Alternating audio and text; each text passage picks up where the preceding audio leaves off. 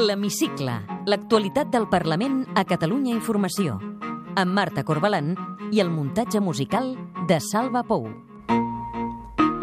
La polèmica dels llaços grocs ha tornat a marcar una setmana més el debat parlamentari.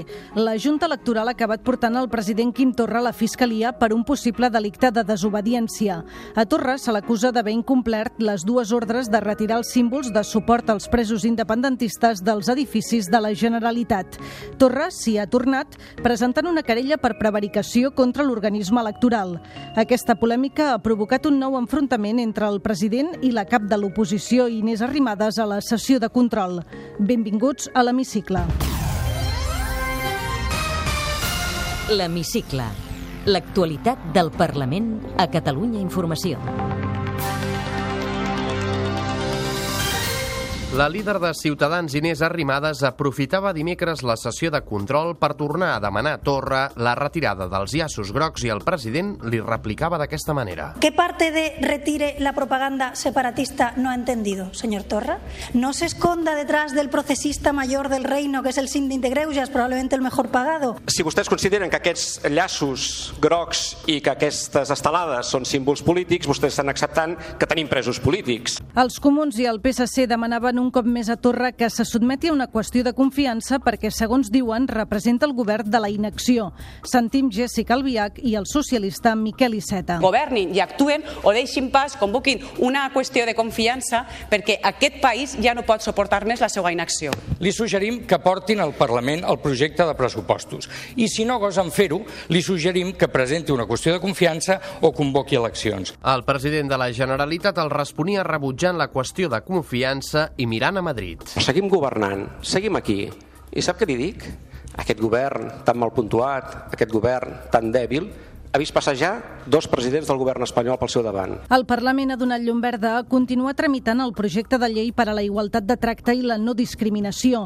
El conseller de Treball i Afers Socials, Shakir El Homrani, demanava als grups el seu suport per fer possible l'aprovació final d'aquest projecte. Si hi ha un àmbit en el que necessitem consensos és en l'àmbit de la discriminació i de la igualtat de tracte. Aquesta setmana s'ha firmat al Parlament el pacte contra la segregació escolar per reequilibrar la composició social de l'alumnat i atendre millor els centres d'alta complexitat. Josep Bargalló és el conseller d'Educació. No hi ha dret a sobre amb qui estudien els nostres fills.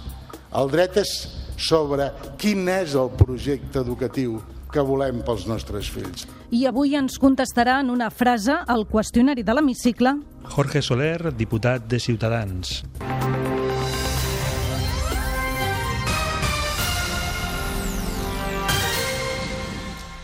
El president Quim Torra ha acabat a la Fiscalia per no haver retirat dins del termini que li donava la Junta Electoral la pancarta amb el llaç groc que hi havia al Palau de la Generalitat. Per intentar esquivar l'ordre de la Junta i fent cas de la recomanació del síndic de Greuges, Torra va decidir penjar sobre la pancarta del llaç groc una altra pancarta amb un llaç blanc amb un traç vermell. Aquesta solució però tampoc no va agradar a la Junta Electoral, que finalment ordenava als Mossos d'Esquadra que retiressin tots els símbols de suport als presos independentistes. Finalment, aquest divendres, la façana del Palau de la Generalitat quedava neta de llaços, però s'hi ha acabat penjant una altra pancarta blanca on hi diu llibertat d'opinió i d'expressió. Mentre es treien i es posaven pancartes al Parlament, s'hi produïen tenses picabaralles dialèctiques en la sessió de control al president. Ens ho explica l'Arnau Maimó. Sessió de control. La cap de l'oposició, Inés Arrimadas, va acabar estripant a l'escó dues fotografies de façanes d'edificis públics amb llaços grocs. Arrimadas advertia Torra que amagar-se darrere un informe del síndic no li serviria de res i el president de la Generalitat li replicava assegurant que ell assumeix les decisions que pren. ¿Qué parte de retire la propaganda separatista no ha entendido, señor Torra? ¿Se cree que puede hacer usted lo que le dé la gana? Silenci. Se pongan tan nerviosos, Silenci. se pongan nerviosos. Que aquí son muy gallitos y luego delante de los jueces no veas cómo se vienen abajo. ¿eh? No se esconda detrás del procesista mayor del reino, que es el síndic de Greuges, probablemente el mejor pagado. Si vostès consideren que aquests llaços grocs i que aquestes estelades són símbols polítics, vostès estan acceptant que tenim presos polítics. Jo no prohibiré mai res. Jo estic a favor de la llibertat d'expressió i de més llibertat d'expressió i de més democràcia. I jo no m'amago de res. Jo he pres les decisions que crec que he hagut de prendre. M'he llegit la resolució i l'he contestat a la senyora Arrimadas i no m'he amagat absolutament de res. Després d'aquest cara a cara, la diputada de la CUP, Maria Sirvent, demanava al president del Parlament que amonestés Arrimadas. Roger Torrent en prenia nota, mentre el diputat de Ciutadans, Carlos Carrizosa, advertia a la CUP que no són ningú per donar lliçons de democràcia després que Arran reivindiqués l'atac que el partit taronja va rebre dimarts a la seva seu de Barcelona. La expresión ustedes son muy gallitos, pero delante de los jueces se vienen abajo és una expressió que no ha de ser permesa en aquest Parlament i demanem tant al president com a la mesa que reconsiderin posar un avís o una amonestació a la diputada. Recollim la seva queixa i la tractarem oportunament a la mesa. Gràcies. La misma diputada que ahora nos, nos pretende dar lecciones de estilo, ayer jaleaba los Això, ataques fascistas de Arran. No té la paraula, diputat. El PSC i Catalunya en Comú Podem aprofitaven la sessió de control per demanar a Torra que se sotmeti a una qüestió de confiança per inacció del govern. Sentim Miquel Iceta i la resposta del president de la Generalitat. Li suggerim que portin al Parlament el projecte de pressupostos. I si no gosen fer-ho, li suggerim que presenti una qüestió de confiança o convoqui eleccions. Catalunya no es pot permetre més anys sense govern, més anys sense rumb, més anys de fracàs. Però seguim governant, seguim aquí. I sap què li dic? Aquest govern tan mal puntuat, aquest govern tan dèbil, ha vist passejar dos presidents del govern espanyol pel seu davant. La cap de files dels comuns, Jessica Albiach, feia la mateixa petició. Així que governin i actuen o deixin pas, convoquin una qüestió de confiança perquè aquest país ja no pot suportar més la seva inacció. Miri, eh, aquest govern governa, entre altres coses, perquè si tu no governes, et governen. Eh? I, per tant, nosaltres volem ser nosaltres els que ens governem. La diputada de la CUP, Natàlia Sánchez, retreia a Torra inacció, concretament en el sector de les polítiques mediambientals i el president ho negava. Vostès, que s'omplen la boca, com acaba de fer, de discursos de sostenibilitat ambiental, només responen als interessos econòmics i polítics del capitalisme. Nosaltres som el govern que ha aplicat una moratòria, una moratòria a la Costa Brava. Som un govern que quan ha calgut a la Terra, a la terra Alta dir que aquest govern estava eh, en contra de l'abocador de Ribarroja, ho hem dit i ho he manifestat a tots els, a, la gent que ha estat allà. Junts per Catalunya i Esquerra feien pinya amb Torra en la defensa dels símbols de suport als presos i denunciaven un cop més el judici del procés. Aquesta setmana el síndic de Greuge, Rafael Ribó, ha vingut al Parlament a presentar l'informe de la sindicatura del 2018, però finalment tot va acabar desembocant en un debat sobre els llaços grocs. Les crítiques més dures al síndic i també al govern han estat de part de Ciutadans i el PP. Sentim Carlos Carrizosa i Andrea Levi. Señor síndic, yo le acuso de blanquear al señor Torra, de ayudarle, de urdir con él un plan para permitirle una salida medio honrosa con sus adeptos. Tenemos un govern preocupado por los pantones o las escalas cromáticas. Si esto no es un capítulo de Monty Python, hágaselo ustedes mirar. Els comuns i el PSC acusaven el govern de fer el ridícul. Així de contundents es mostraven el diputat David Cid i la socialista Marta Moreta. En política es pot fer tot menys el ridícul, però és que jo crec que cada dia se superen. Avui, síndic, és l'epicentre mediàtic. Llàstima que ho sigui per un seinet matusser.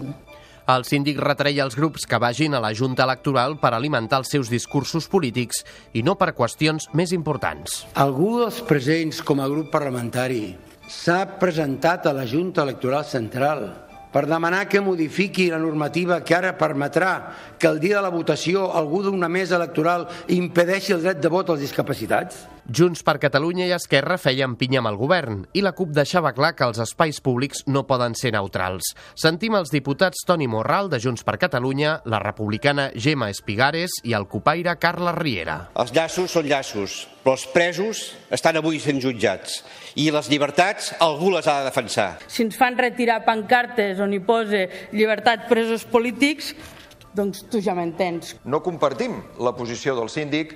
Nosaltres pensem que l'espai públic no és neutre ni ho serà mai. Un cop acabat aquest debat, es feia una concentració davant la porta del Parlament per demanar la llibertat dels presos.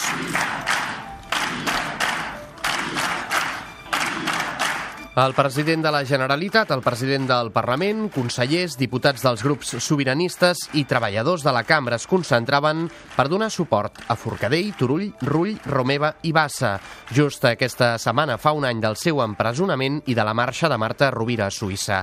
Aquest divendres el president del Parlament, Roger Torrent, ha visitat els presos i les preses a Soto del Real i al Calameco i a la sortida feia aquesta reflexió el que hauria de preocupar la Junta Electoral no són els llaços, sinó el fet de que hi hagin presos polítics, molts dels quals són candidats en aquestes eleccions i, per tant, no poden fer campanya amb igualtat de condicions que la resta de candidats. Aquesta setmana s'ha firmat al Parlament el Pacte contra la segregació escolar per reequilibrar la composició social de l'alumnat i atendre millor els centres d'alta complexitat. L'acord l'impulsa el síndic de Greuges i inclou el Departament d'Educació, un centenar d'ajuntaments i part de la comunitat educativa.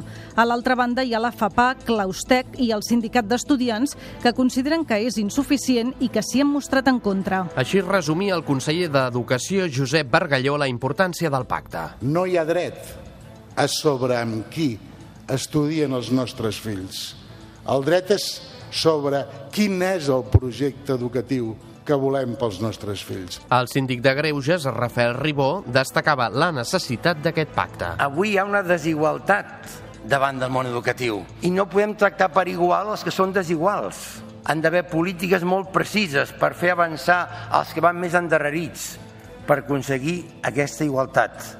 Una de les portaveus del col·lectiu d'escoles contra la segregació escolar, Amadou Tauré, es mostrava així de contundent. Quina relació tindrem amb la resta de catalans si han viscut tota la vida en una Catalunya paral·lela?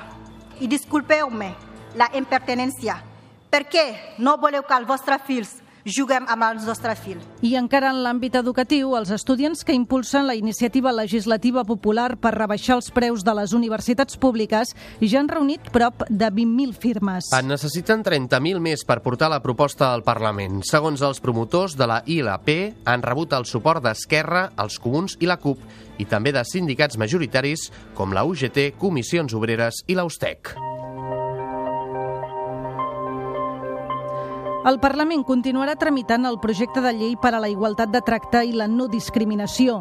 Va quedar encallat després que es va aplicar l'article 155 i ara ha superat el primer debat al Parlament perquè cap grup no ha presentat esmenes de retorn. El text vol ser una llei per aigua que abordi qualsevol tipus de discriminació, com per exemple per motius d'origen ètnic i religiós o d'orientació sexual. El conseller de Treball i Afers Socials, Shakir El Homrani, demanava als grups que facin pinya en contra de qualsevol tipus de discriminació. En el fons, hem d'anar a una societat que tingui tolerància zero cap a qualsevol discriminació. Si hi ha un àmbit en el que necessitem consensos, és en l'àmbit de la discriminació i de la igualtat de tracte. Una altra proposició de llei que es continuarà tramitant al Parlament és la de protecció de les oliveres mil·lenàries del Sènia. L'ha presentat el grup del PSC Units per Avançar per frenar l'espoli d'aquests arbres monumentals. A la zona del Sènia es calcula que hi ha unes 5.000 oliveres mil·lenàries i moltes són arrencades per ser comercialitzades. El diputat socialista Jordi Terrades defensava la necessitat de tenir una llei, com ja té el País Valencià, per protegir les oliveres. Més d'un miler d'oliveres, mil·lenàries, en els eh, darrers anys han passat d'estar en el territori que les van veure eh, néixer, créixer, eh, produir, a jardins privats, els representants de la plataforma en defensa de les oliveres, juntament amb l'alcaldessa d'Uidacona, van seguir el debat des de la tribuna de convidats del Parlament.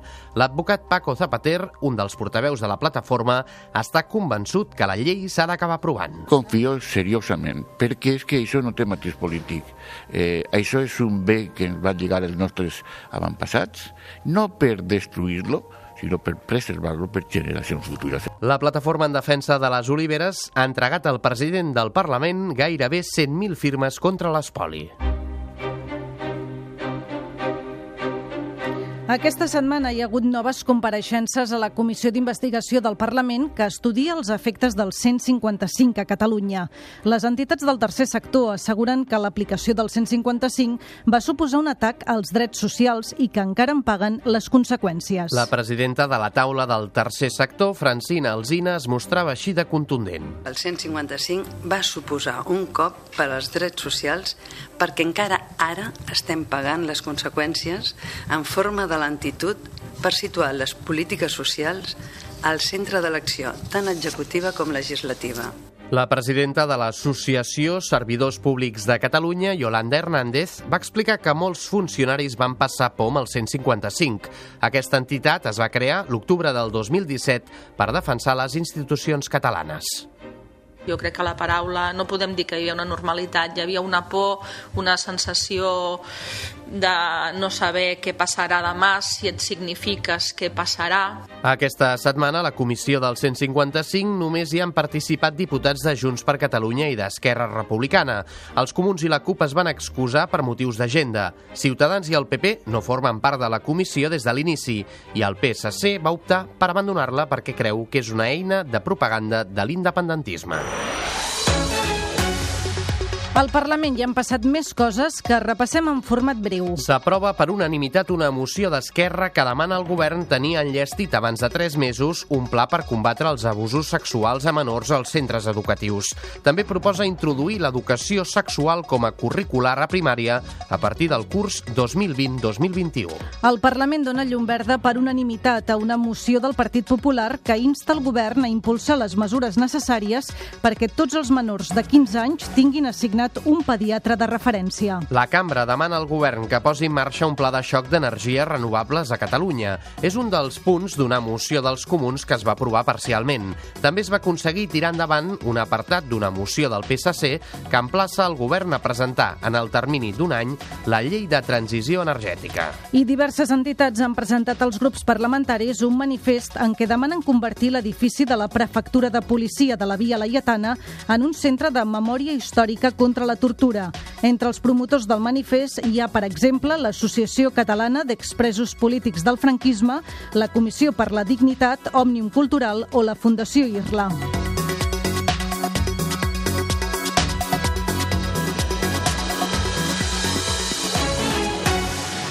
L'Hemicicle. L'actualitat del Parlament a Catalunya Informació. Té la paraula Jorge Soler, diputat de Ciutadans. La Junta Electoral Central els ha donat la raó. Vostè creu que això canvia alguna cosa?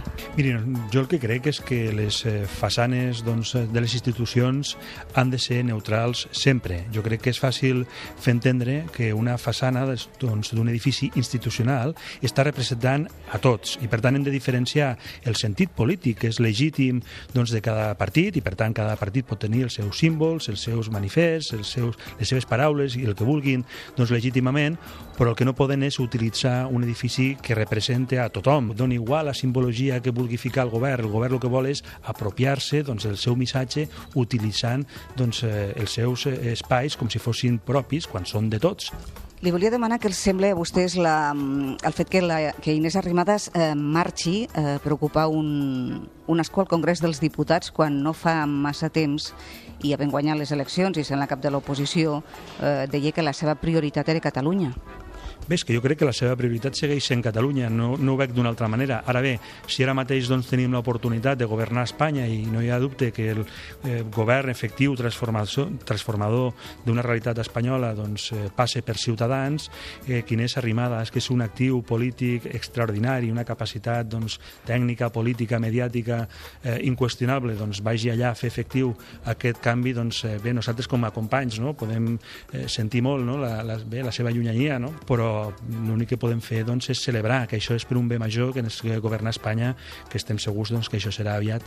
Com està veient el judici al Suprem? Bueno, la meva opinió, però en aquest cas ja dic que és més particular una mica en el sentit del que sentíem ahir a la sessió de control, no? que difereixen molt eh, les opinions d'alguns quan bravuconeixen davant d'un auricular o quan ho fan en seu doncs, eh, judicial. Certament, doncs, jo crec que quan un polític és realment lleial al que representa i al que està dient a la seva ciutadania, no hauria de canviar el discurs en funció de qui és qui l'entrevista i on, on està parlant. No? Jo crec que, que això doncs, eh, bé, és una mostra més que, evidentment, dels projectes doncs, de, que estan fets i basats en una, en una gran mentida. Cayetana Álvarez de Toledo ha dit una cosa en relació a Inés Arrimadas, que és la següent, que si una cosa les distingeix és que ella s'hauria presentat a la investidura. Bé, està parlant una persona que aquí el seu, eh, els seus escons tenen tan sols quatre escons. Aquestes lliçons, doncs, primer, primer el que hauria de fer és aconseguir escons per poder fer això, perquè ara mateix doncs, no tenen ni tan sols grup parlamentari. No puc opinar res més de l'opinió d'algú que no té ni representació com a grup parlamentari aquí al Parlament. Com s'ha de fer perquè tothom tingui dret a una vivenda digna? Doncs en aquest cas doncs, eh, recolz, recolzar perquè doncs, eh, la, la gent tingui feina, treball i una economia doncs, eh, que ho permeti. I per solucionar la pobresa energètica? Doncs el mateix, vull dir, el que necessitem és que la gent doncs, arriba al de mes pugui pagar tot això. Digui'm quan creu que durarà aquesta legislatura. Bé, jo calculo que aquí hi haurà convocatòria d'eleccions al setembre. Quina llei li agradaria aprovar abans que es dissolgui el Parlament? Bé, ara mateix no hi ha cap llei en curs doncs, eh, que, que estigui en marxa, que, que sigui viable. Jo vaig presentar la de reversió urgent de les llistes d'espera i el govern separatista doncs, eh, me la va tombar. Per què ha decidit dedicar-se vostè a la política? Justament perquè m'agradaria solucionar temes tan importants com el que vaig presentar amb aquesta llei que em van tombar, la de la llista d'espera. I què farà quan, quan la deixi? Si la deixi, vaja. Tornaré a la meva plaça de metge guanyada per concurs oposició públic. Utilitza la salut pública, vostè? Sí, utilitzo la salut pública. Pis de lloguer o de propietat? Bé, de propietat, eh, encara que en hipoteca. Amb quin diputat o diputada que no sigui del seu grup compartiria taula i faria una sobretaula tranquil·lament i amistosament?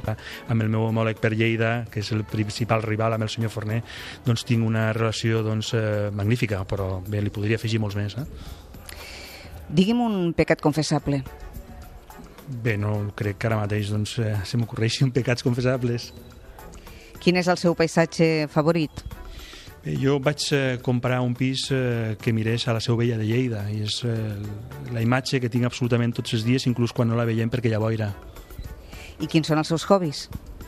M'agrada molt llegir, m'agrada molt la bicicleta, m'agrada molt doncs, compartir el temps eh, amb la meva família. Doncs jo crec que els hobbies són els eh, comuns a, a la, pràcticament la majoria.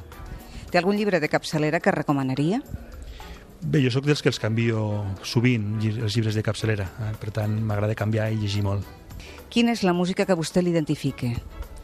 Doncs en el mateix sentit també la canvio depèn del moment. Eh, de fet, com li deia abans, quan viatjo en tren doncs, escolto doncs, música que em permeti llegir i per tant doncs, els canvio. Ahir, per exemple, Leonard Cohen. Què és el que li fa por?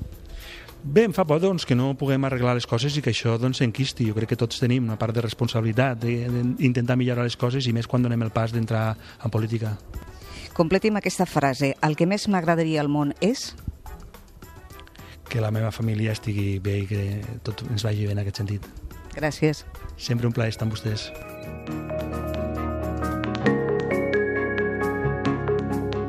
Podeu tornar a escoltar l'Hemicicle al web catradio.cat barra hemicicle o al podcast del programa i seguir l'actualitat del Parlament al perfil de Twitter arroba L-hemicicle.